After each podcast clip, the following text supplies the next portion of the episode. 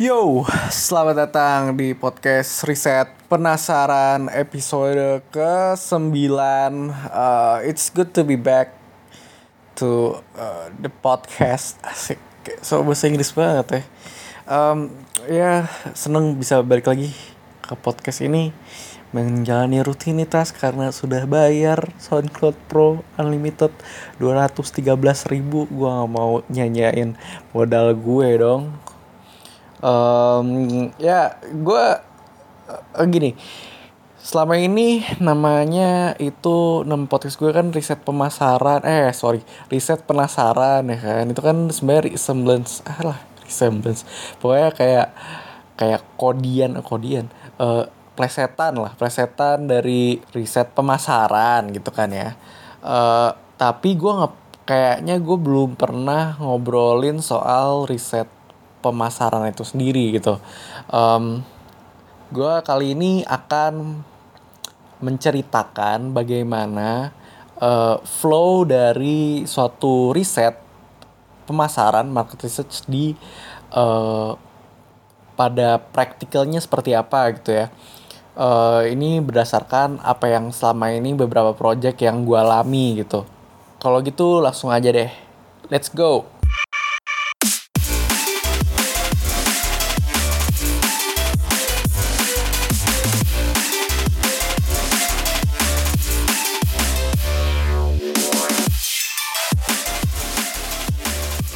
Hai pendengar, numpang pose sebentar ya. Cheese! Buat yang mau tahu pose kayak apa sih yang bisa nandain bahwa oh orang ini umurnya udah 50 tahun lebih nih. Atau gimana sih caranya mendeteksi foto-foto hoax atau tentang ilmu basic fotografi? Yuk mampir ke podcast gue di soundcloud.com slash ngecuprus. Gue tunggu di sana ya. Terima kasih buat semuanya. Kembali lagi ke host yang baik hati ini.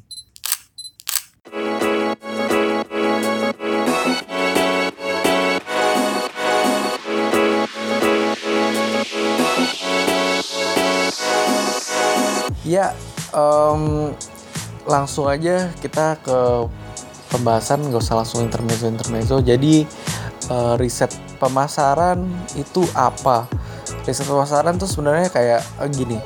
Uh, kalau misalkan lo mau meluncing sebuah produk atau lo mau uh, hanya mau um, kayak um, bikin sebuah iklan gitu lo membutuhkan sebuah data di mana datanya itu um, bisa lo pakai untuk mengembangkan atau lo bisa mencari metode untuk melakukan atau approaching atau mendekati uh, target pasar lo secara benar gitu. Kadang karena istilah gini deh kayak kita ngobrolin soal pacaran gitu ya. Pacaran itu kan lo butuh tahu dulu tuh cewek kayak gimana orangnya cocok sama lu atau enggak. Atau bahkan lu cocok gak buat cewek itu gitu kan. Dan um, selain itu juga lu harus tahu dia sukanya apa. Kayak contohnya gini contoh contoh yang simpelnya gini. Kayak lu deketin cewek yang nggak suka nonton horor. Dia benci banget nonton horor. Terus abis itu lu ajakin nonton horor ya nggak bakal mau dong.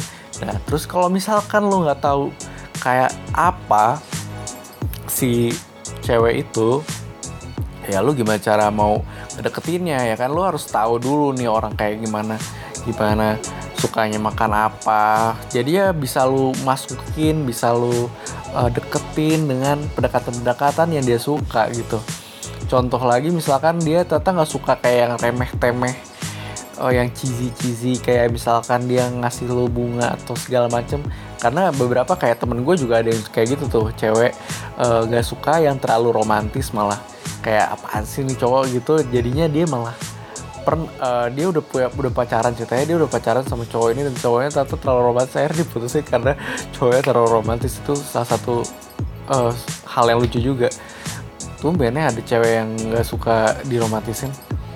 Ya pokoknya intinya uh, sama dengan riset pemasaran. Kayak target pasar lu kayak gimana terus abis itu lu mau ngeluncurin sebuah produk atau sebuah uh, ya sebuah produk ke pasar gitu tapi lu nggak tahu pasar kayak gimana ya lu bisa aja ngasih sesuatu yang salah atau lu bisa produknya bener tapi caranya salah. Nah itu yang dibutuhkan dari riset pemasaran. So basically janganlah pakai so basically pokoknya sebenarnya uh, intinya riset pemasaran adalah mengenal pasar lo meriset riset kan research sebenarnya dari bahasa Inggris research. Re itu kembali search itu mencari jadi mencari kembali pasar yang sudah ada gitu. Jadi di, udah ada nih diubek-ubek-ubek lagi dan ternyata nemu kayak nemu uh, apa penemuannya seperti apa nah itu yang lo dapat jadi itu riset riset pemasaran. Kalau misalkan definitif yang teorikalnya lagi lu bisa cari di Google lah. Gue males nyari nyari Google. Uh, gue mau ngomong-ngomong ngobrol-ngobrol gini aja. Oke? Okay? um,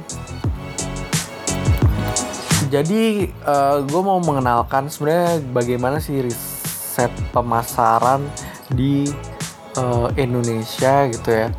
Jadi riset pemasaran itu gue nggak tahu kenapa uh, belum banyak yang tahu mengenai riset pemasaran bahkan anak-anak marketing sekalipun gitu. Anak-anak marketing khususnya di di kampus gue ya karena gue ngobrol-ngobrolin soal um, gue kan di marketing manajemen ya tapi uh, teman-teman gue tuh belum pada tahu maksudnya pada kayak langsung di benaknya tuh kayak lu gue mau kerja di sebuah perusahaan market research gitu uh, kebanyakan sih belum ada. Pertama mungkin karena uh, di, bukan dikotomi apa namanya definisi market research atau riset pemasaran tuh agak horor kali ya. Uh, agak horor untuk um, level mahasiswa karena riset pemasaran itu uh, ada gimana ya dekat rela relasinya dengan skripsi. Yang mana skripsi itu sepertinya kayak monster yang paling gede atau enggak uh, final bossnya mahasiswa lah ya skripsi itu. Jadi ada ada ada apa ya istilahnya kayak mindset seperti itu. Uh, lain halnya lagi um, bukan distraksi tapi kadang kadang-kadang ada hal-hal lain yang lebih yang menurut dia lebih keren untuk dijalanin ya. Uh, apalagi kalau misalkan kayak kampus gue tuh kebanyakan anak-anaknya pada pengen buka usaha ini itu. Terus mungkin ya tergantung passionnya misalkan dia terlalu suka otomotif ya pengen masuk kayak perusahaan kayak Toyota misalkan atau Daihatsu Honda dan segala macam um, kedua itu terus abis itu ya yang paling menurut gue sih yang paling paling yang paling jadi burden eh, bukan. Uh, yang paling jadi uh, apa mindsetnya mereka kenapa nggak kepikiran market research yaitu dia sih lebih ke yang horornya tadi itu. Nah um, jadi perusahaan market research di Indonesia ini beberapa ada yang terkenal. Uh, paling terkenal itu adalah AC Nielsen atau sekarang namanya Nielsen Media, Nielsen Media Research. Um, atau biasa disebutnya sih Nielsen lah ya ke anak-anak. Uh, jadi Nielsen ini uh, kenapa bisa terkenal? Karena dia satu-satunya yang punya panel um, rating TV cuma dia doang. Uh, pertama ya karena mungkin udah ada budget dari awal maksudnya kayak dari awal datang Nielsen dan akhirnya memberikan service uh, panel paneling oh, TV, rating TV gitu ya. Terus um, ya yang jadi polemik di mana-mana gitu kan. Untuk si rating TV itu banyak kayak komika yang ngobrolin banyak orang-orang yang udah nggak percaya rating juga. Uh, ya itu dia yang jadi jadi kenapa Nielsen paling top of mindnya paling bagus lah ya.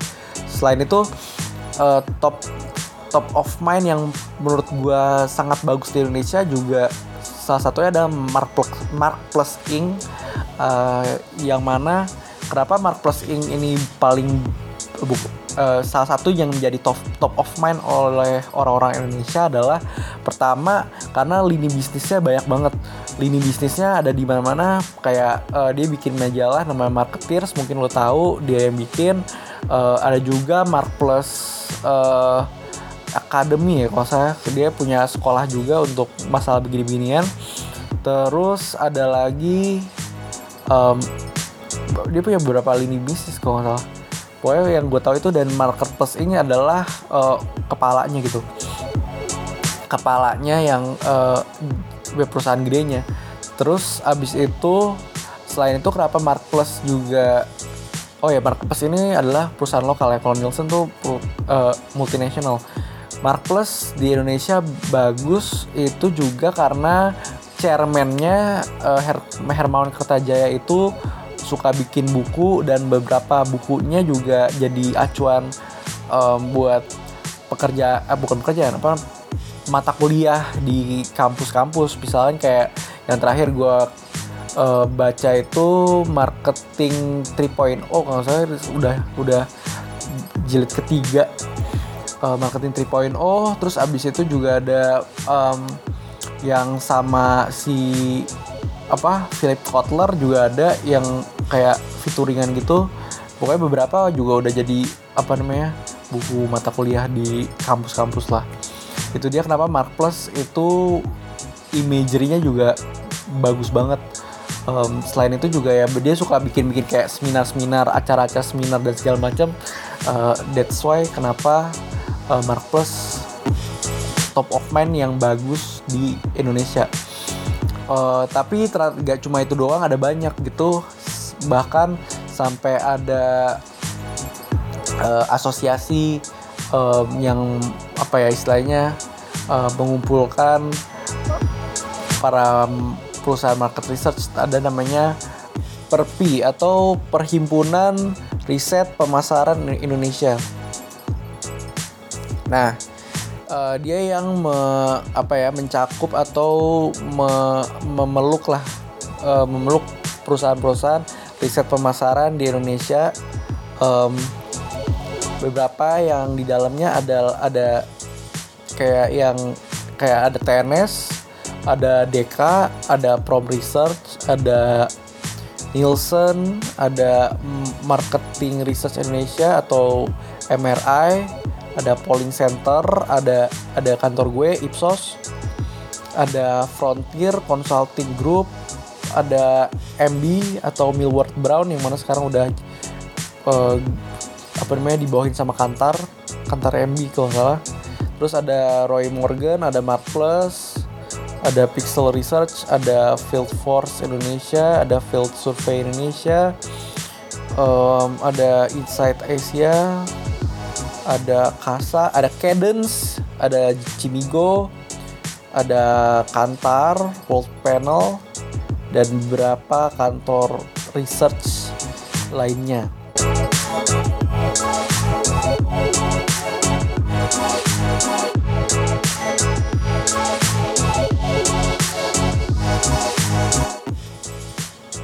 Nah, uh, itu untuk apa ya istilahnya ya perkenalan perusahaan-perusahaan market research di Indonesia. Jadi mungkin kalau misalkan ada dari lo yang tertarik dengan uh, perusahaan market research, lo mungkin bisa coba-coba.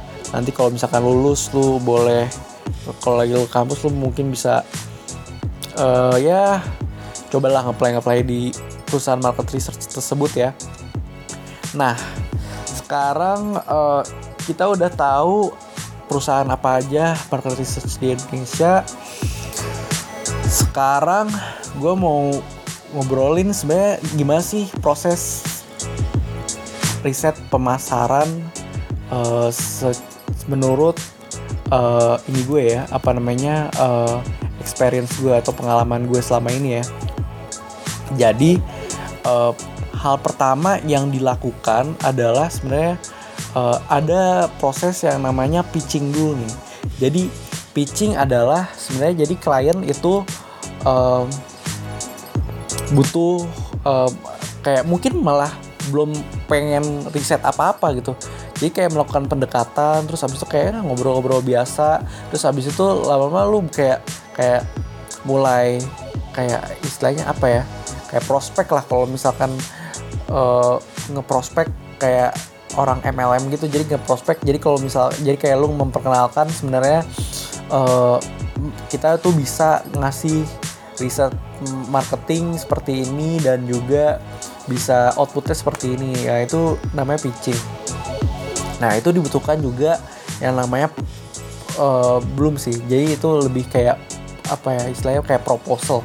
Nah proposal itu uh, ya seperti event-event di kampus aja lu kayak memperkenalkan sebenarnya ya perusahaan kita seperti apa terus habis itu uh, nah kira-kira kalau misalkan lu maunya seperti ini uh, atau lu mau dapat data yang seperti ini kita akan melakukan uh, riset dengan metodologi seperti ini seperti ini seperti ini gitu.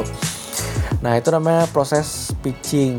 Nah kalau misalkan dapat nanti kita akan membuat uh, proses uh, yang selanjutnya namanya ada kita mau istilahnya mau commission nih. Commission artinya mau bikin perusahaan atau calon bakal calon klien lo itu uh, untuk bayar dan beli produk lo.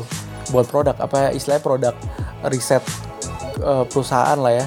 Jadinya um, uh, ya dibayar untuk melakukan sebuah serangkaian uh, aktivitas riset gitu. Nah, setelah kalau misalkan sudah commission, eh, belum commission sih. Jadi misalkan jadi nanti ada kayak bergaining harga lah ya. Nah, itu tugasnya uh, top top manajemen dan middle management itu biasanya sampai ke apa ke levelan manager tuh untuk me, apa ngeset harga. Nah, kalau misalkan udah uh, harganya udah dapat harganya udah termasuk harganya udah termasuk cost field work dan segala macam kita ya habis itu kita kasih lah ke klien.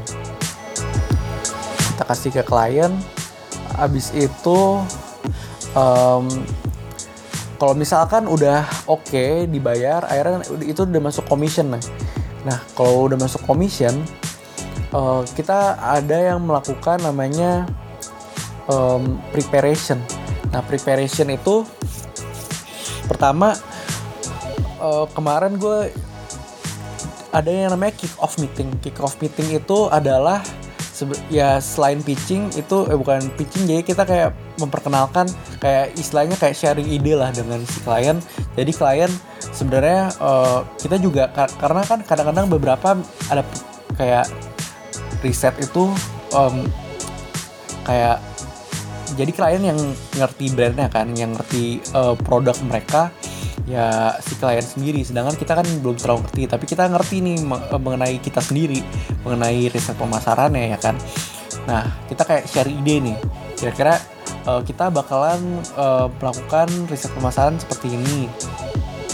Nah tapi uh, ini kan harus kita adjust adjust supaya uh, datanya bisa sesuai dengan apa yang uh, lo mau gitu apa yang klien mau. Jadi eh, kira-kira coba deh kasih kita kita uh, gimana sih brand yang uh, brand yang uh, lo mau teliti atau produk lo yang mau teliti itu sebenarnya mau di eh, mau difokusin di titik yang mana mau difokusin di pembahasan yang mana itu bisa itu uh, di sharing di kick off meeting itu. Kick off meeting itu dilakukan um, uh, beberapa kali sampai akhirnya saklek atau di akhirnya e, nemu di mana titik tengah kesepakatan bahwa oh ini adalah metodologi penelitian yang terbaik untuk project ini untuk e, produk ini misalkan gitu untuk brand yang dikasih klien ini gitu. Udah udah dapet nih. Nah selanjutnya adalah ada namanya preparation. Nah preparation ini adalah uh, proses di mana uh, gue biasanya uh, melakukan sebuah uh, istilahnya siap-siap untuk melakukan riset. Jadi apa yang harus disiapin itu ada beberapa. Pertama yang pasti adalah kuesioner. Nah kuesioner itu uh, lu apa ya istilahnya lu lu bikin tergantung dari klien maunya dapat uh, dapat data apa gitu tapi beberapa juga ada yang ada standarnya mis ya standarnya dari ya produk yang gue punya gitu. Gue nggak bisa sebutin. Tapi uh, yang pasti ada ada list list pertanyaannya. Nah biasanya list pertanyaannya tuh, kita lempar ke klien biar setidaknya uh, bukan milih-milih sih tapi lebih tepatnya kayak kira-kira seperti ini loh mbak uh, untuk atau mas atau bapak untuk uh, pertanyaan yang kira-kira bakal ditanyain. Oke misalkan dia udah lihat kadang-kadang ada beberapa yang udah mulai milih uh, pertanyaan apa aja yang mesti dicantumin.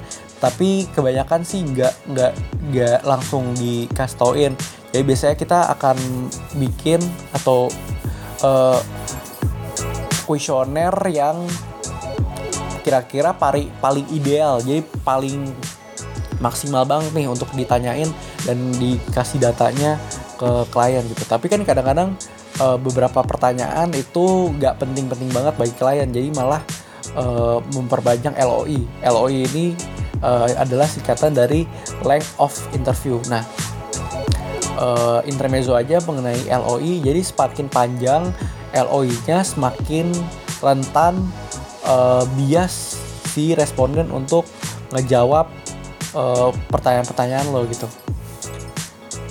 Jadi istilahnya kalau misalkan lo lagi skripsian dan lo lagi melakukan uh, riset untuk mendapatkan data uh, untuk skripsi lo gitu lo mungkin harus uh, memperhatikan LOI dari kuesioner uh, skripsi lo gitu. Kalau misalkan makin panjang biasanya responden lo bakalan ngasih jawaban yang lebih yang uh, lebih ngasal-ngasal.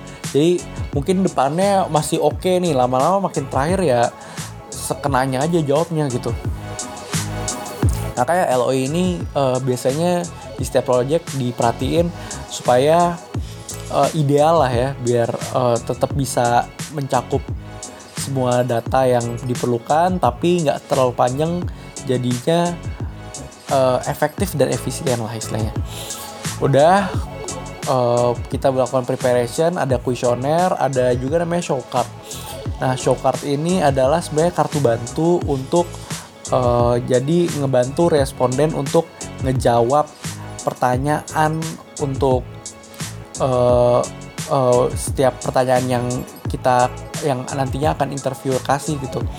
Nah, uh, jadi misalkan gini kayak lu misalkan nanya, lu sukanya bunga warna apa misalkan itu.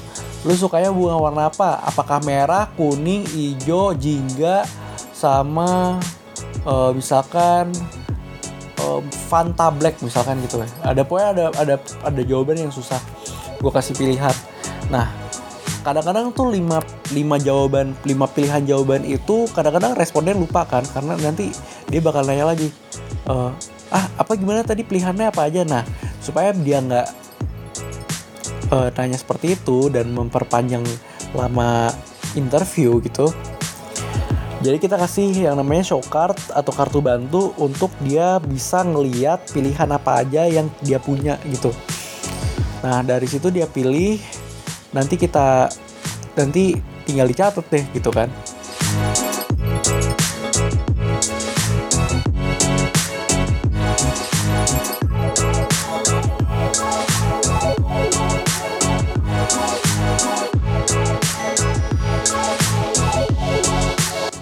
Ada show card, ada juga beberapa kartu bantu kartu bantu lain. Ada juga yang namanya stimulus. Stimulus tuh kayak apa ya? Kayak sebuah um, kayak sebuah kartu atau sebuah ya apa pun lah uh, barang yang memberikan uh, responden bayangan yang real dari sebuah konsep atau sebuah produk yang nanti akan diluncurkan oleh klien gitu. Uh, beberapa kayak ada yang namanya konsep card itu kayak misalkan kira-kira nih produk yang bakalan dikeluarin seperti ini. Nah, uh, jadi stimulus itu memberikan stimulan bagi si responden untuk bisa ngebayangin lah karena kalau misalkan obrolan-obrolan doang kan nggak kebayang istilahnya kayak gini deh kayak uh, ada sebuah penemuan ya kan ada sebuah penemuan yang mana kalau misalkan gue ceritain ke lu gitu ya gue ceritain ke lu uh, lu nggak bakal bisa kebayangin karena ah gimana gimana? Gitu kan. Misalkan kayak ada robot bisa bikin mobil ah dari ada ada robot bisa bikin anak lah misalkan gitu ya. Ada robot bisa bikin anak. Nah caranya tuh gini gini gini gini. Ah gimana gimana? Gimana bentukannya? Gimana emang gitu kan? Nah, kalau obrolan doang kan nggak bisa tuh. Nah akhirnya kita kasih stimulus supaya responden bisa uh, kebayang nih gimana nantinya si robot ini misalkan gitu. Ada juga yang ya stimulus gak cuma konsep card gak cuma kartu konsep tapi ada juga kayak kemarin 3D printing juga ada. Jadi gak cuma bisa ngeliat gambarnya doang atau apa yang bisa dilakukan. Pokoknya nggak bisa nggak cuma bisa gambar doang bahkan bisa dipegang gitu. Nah itu yang lebih bagus. Jadi semakin semakin real stimulusnya semakin bagus. Karena semakin memberikan bayangan yang tepat bagi si responden gitu. Nantinya akan jadi lebih tahu dia bakal suka atau enggak sama si konsepnya nanti gitu uh, udah selesai preparation nanti langkah selanjutnya adalah kita akan melakukan briefing. Nah briefing itu briefing ke antar uh, ke klien dan juga biasanya sih klien juga ikut. Tapi lebih tepatnya ke interviewer. Kita briefing mengenai kuesionernya dan bagaimana cara jalannya. Um, kita jelasin supaya interviewer benar-benar tahu dari apa dari pertanyaan satu ke pertanyaan yang sampai terakhir satu-satu kita jelasin supaya mereka benar-benar ngerti supaya yang dia tanyain juga nggak nggak nggak salah gitu. Kadang-kadang pertanyaan sama tapi beda beda beda pemaknaan kan. Kadang-kadang juga kadang-kadang juga uh, bikin salah kaprah gitu. Nanti jawabannya jadi bias dan segala macam nanti datanya nggak bisa dipakai uh, uh, briefing setelah briefing selesai nanti ada uh, selanjutnya adalah uh, kayak gue harus ya uh, selanjutnya adalah melakukan field work nah field work ini yang akan gue jelasin beberapa ini paling banyak uh, bahasannya sih field work ini jadi fieldwork ini nanti akan jalan di beberapa PSU. PSU um, ntar gue gue nggak tahu sih sebutannya apa tapi yang pasti namanya PSU. Jadi PSU itu pokoknya intinya adalah uh, titik daerah di mana nanti interviewer akan jalan um, akan jalan ke uh, rumah-rumah atau eh tergantung sih. Pokoknya pokoknya akan jalan uh, melakukan interviewer. Nah PSU nah kalau PSU ini digunakan untuk metode yang namanya F2F atau face to face. Jadi ada beberapa um, ada beberapa metode gitu ya ada face to face ada juga yang namanya CATI atau compute. Itu sih sebenarnya sih lebih ke metode untuk penanyaannya ya. Jadi CATI itu pakai telepon. Dan sedangkan face to face itu uh, menggunakan apa ya face to face ketemu gitu. Jadi biasanya kita ada beberapa wah gue harus jelasin satu-satu. Oke okay. Jadi jadi ada beberapa uh, cara untuk melakukan pemasaran. Eh pemasaran. Untuk melakukan riset. Uh, kalau di di yang selama ini yang gue alami gitu ya itu ada dua ada beberapa metode metodologi. Yang pertama adalah yang namanya CLT atau Central Central Central Location Test. Di mana uh, respondennya yang datang ke tempat tesnya gitu tempat interviewernya inter uh, tempat untuk melakukan interviewingnya gitu. Itu namanya CLT Central Location Test. Ada juga namanya HUT yaitu Home Usage Test yang mana uh, kita yang datang ke rumah. Atau ya kalau home usage test tuh lebih tepatnya kalau misalkan nantinya akan ada produk konsep yang di placement ke res rumah responden yang mana akan dia pakai dan kita lakukan uh, penelitian lagi gitu. Nah, supaya respondennya itu biasanya supaya respondennya itu adalah benar-benar responden yang dengan demografi atau dengan psikografi yang pokoknya dengan segmen yang diinginkan oleh klien gitu biasanya kita akan melakukan screening dulu atau yang lebih disebutnya dengan rekrutmen jadi kita rekrut dulu.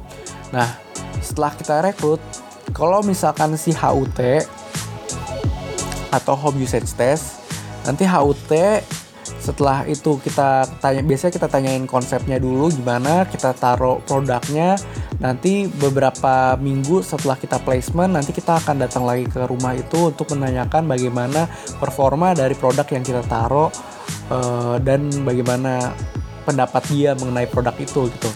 Itu kalau HUT Nah, kalau misalkan CLT, kita tetap rekrut nanti hari apa kita ajak pro, si respondennya untuk datang ke tempat CLT. Tapi ada juga beberapa yang misalkan hari itu juga udah kelar. Misalkan uh, namanya usage and attitude test. Nah, itu itu tuh biasanya panjang banget tuh kuesionernya.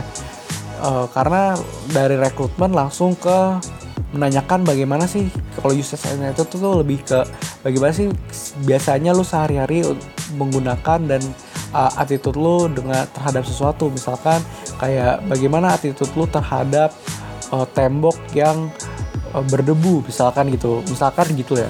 Atau misalkan bagaimana sih uh, pola tidur lu misalkan gitu Nah itu usage and attitude lo Atau bahkan bagaimana sih uh, biasanya lo kalau misalkan deketin cewek Apakah lo kasih coklat yang ini atau kasih coklat yang itu Nah itu namanya uh, usage and attitude test gitu.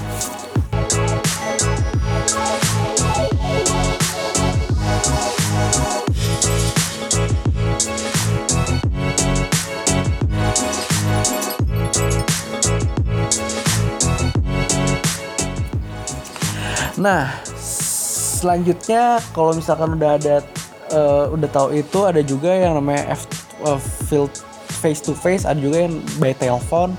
Uh, nah kalau misalkan yang face to face kan datang ke rumah tuh ada yang tiga itu tadi. Nah yang telepon ya lewat telepon. Nah alatnya ada ada beberapa. Kalau yang face to face tuh ada yang namanya alatnya namanya CAPI. Intinya adalah sebenarnya kayak uh, CAPI itu singkatan dari Computer Aided uh, P-nya personal interview interviewer gitu. Nah, CAPI itu sebenarnya atau CATI juga sama sih, tapi CAP kalau CATI itu singkatan dari Computerized Aided T-nya telepon interviewer gitu. Nah, um,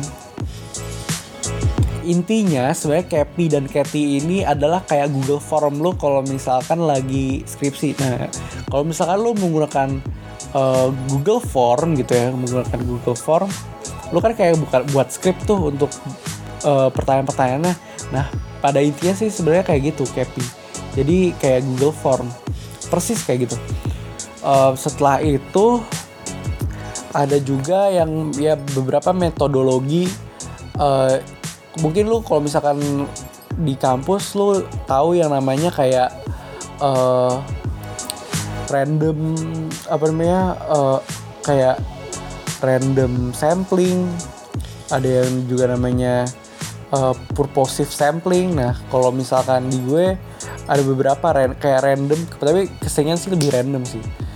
Nah ada juga yang namanya intercept uh, gue jelasin satu-satu random itu ada beberapa. Kalau di kantor gue ada uh, tapi mungkin semuanya juga ada sih ya. Tapi kayak random A. Random A itu pure random yang mana lu bener-bener harus random carinya nggak boleh dipilih-pilih.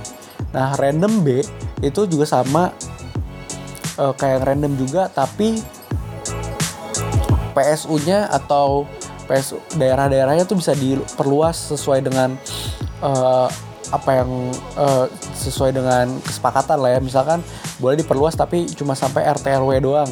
Kelurahannya nggak boleh lewat tuh saya nggak boleh keluar kelurahan. Nah itu bisa dilakukan. Jadi bisa um, lo lo cari maksudnya bisa lo perluas sehingga responden lo bisa lebih banyak lo ambil gitu. Ada juga yang namanya uh, intercept yang mana kayak lu datang ke, ke ke misalkan kayak ke konser dangdut gitu lah konser dangdut. Terus habis itu lu dat terus sambil joget lu kayak samperin abang-abang kayak bang gimana bang nih apa uh, minumannya? Misalkan gitu. Nah itu namanya intercept. Lalu ada juga yang namanya booster. Booster tuh uh, kayak lo nyari bener-bener orang yang seperti itu. Nah, nah itu yang booster. Jadi kayak lu bener-bener dicari bukan random ini dapat ini enggak gitu nah terus abis itu apa lagi ya yang gue jelasin ya untuk ini? Nah setelah nah field work ini tuh di apa namanya dilakukan beberapa hari gitu atau beberapa minggu uh, sampai akhirnya menyentuh target yang bener-bener kita pengen. Biasanya targetnya tuh udah di, uh, dipatokin duluan gitu. Udah selesai field work oh ya uh, field work ini juga ada beberapa misalkan lu melakukan produk test gitu ya melakukan produk test nah supaya produk testnya ini uh, adil gitu. Nah itu lo uh, ada beberapa teknik uh, memberikan produk gitu. Jadi nggak sembarangan. Ada empat kalau nggak salah gue lupa. Tapi yang lebih sering itu dua modadik dan sequential modadik nah modadik ini adalah uh, lu bener-bener cuma dikasih satu udah pure itu aja. Jadi misalkan lu ada beberapa uh, produk A B C. Nah satu satu orang tuh dapat satu produk doang. Jadi misalkan si si si Tugimin misalnya si Tugimin dapat produk A si Su, Su Sumarni misalkan dapat namanya produk B si uh, Tukiem dapat produk C dan sebagainya gitu. Ada juga namanya sequential modadik misalkan uh, ini di kalau sequential modadik tuh produknya di tes secara berurutan. Misalkan gini pro uh, si A B C gitu kan ya. A, A B C D. Nah si Tugimin tuh tadi uh, pertama dapat produk A, nanti beberapa saat lagi dia nyobain produk B, nanti beberapa saat lagi uh, apa namanya cobain produk C gitu nah si Sumarni akhirnya dia uh, sama juga. Misalkan dia nyob pertama nyobain A terus B cobain C. Nah supaya adil itu biasanya ada namanya rotasi. Jadi setiap orang tuh memiliki urutan uh, penggunaan produknya masing-masing uh, gitu. Misalkan si Tugimin dapat uh, pertama nyobain A B C. Nah si itu si Sumarni cobainnya B C A. Nah itu biasanya unik-unik uh, kita bikin uh, rotasi yang unik sehingga setiap orang memiliki apa namanya uh, ya proporsi proporsi yang adil untuk menilai si produknya gitu. Nah, tes produk itu juga ada beberapa, ada yang branded, ada yang unbranded. Nah, branded tuh biasanya uh, dikasih tauin tuh, nih produknya brandnya apa. Ya karena uh, karena beberapa perusahaan memiliki reputasi yang baik uh, brandnya gitu, sehingga mereka mau ngasih tauin kalau misalkan mereka tahu ini brandnya adalah brand ini, mereka bakal kayak gimana. Nah, beberapa misalkan kalau misalkan ada juga yang misalkan objektivitasnya itu ditentukan kalau misalkan si responden nggak tahu mereknya apa. Nah itu pakai unbranded test tuh. Jadi kita kretek atau kita uh, ubah apa namanya uh, kita pindahin lah tempat wadahnya ke tempat lain yang ada gak ada polos tadi gitu gak ada. Aja ketuk banget. Yang yang nggak tahu gitu maksudnya yang yang polosan aja ya akhirnya pakai unbranded test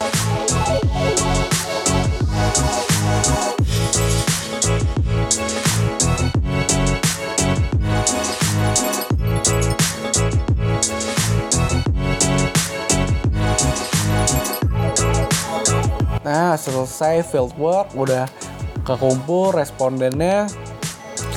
Sa selanjutnya adalah kita masuk ke yang namanya data processing. Data processing itu jadi datanya dibersihin yang gak jelas gak jelas kita buang atau kita cleaning. Terus kita melakukan running data juga. Biasanya outputnya itu adalah table, ada juga stick test juga mungkin uh, ada juga yang namanya regresi dan segala macam dilakukan oleh uh, pihak yang namanya data processing dan juga marketing science itu mereka yang melakukan uh, pengolahan datanya. Setelah pengolahan data sudah selesai, akhirnya selanjutnya akan di pindahkan ke bagi ke anal ke penganalisaan akhirnya jadi ya jadi tuh riset pemasaran itu muaranya ya dari hulu ke hilir hilirnya tuh uh, baru ke researcher jadi kita tuh adalah pihak terakhir dari si data gitu. Nah setelah datanya cleaning bahkan udah jadi reportnya biasanya dibikin chart-chart dulu gitu baru kita bisa baca datanya dan kita melakukan sebuah analisa gitu. Kita analisa ini itu oh kok nih dia bisa kayak gini. Kita uh, melakukan apa ya tarik tarik benang uh, benang merah sampai jadi sebuah cerita nah di situ baru kita present. Nah beberapa juga ya presentnya juga nggak cuma sekali kadang-kadang bisa berkali-kali untuk memberikan sebuah analisa yang sangat baik gitu sangat sangat wah iya bener make sense dan bisa dipakai oleh dari uh, klien gitu. Seperti itu. Ya segitu aja deh gue udah ngobrol ngalor ngidul. Uh, semoga lo uh, tercerahkan lah ya mengenai market research itu seperti apa dan bagaimana prosesnya. Uh, ya udah segitu aja. Have a nice Monday. Dan thank you udah dengerin dan deh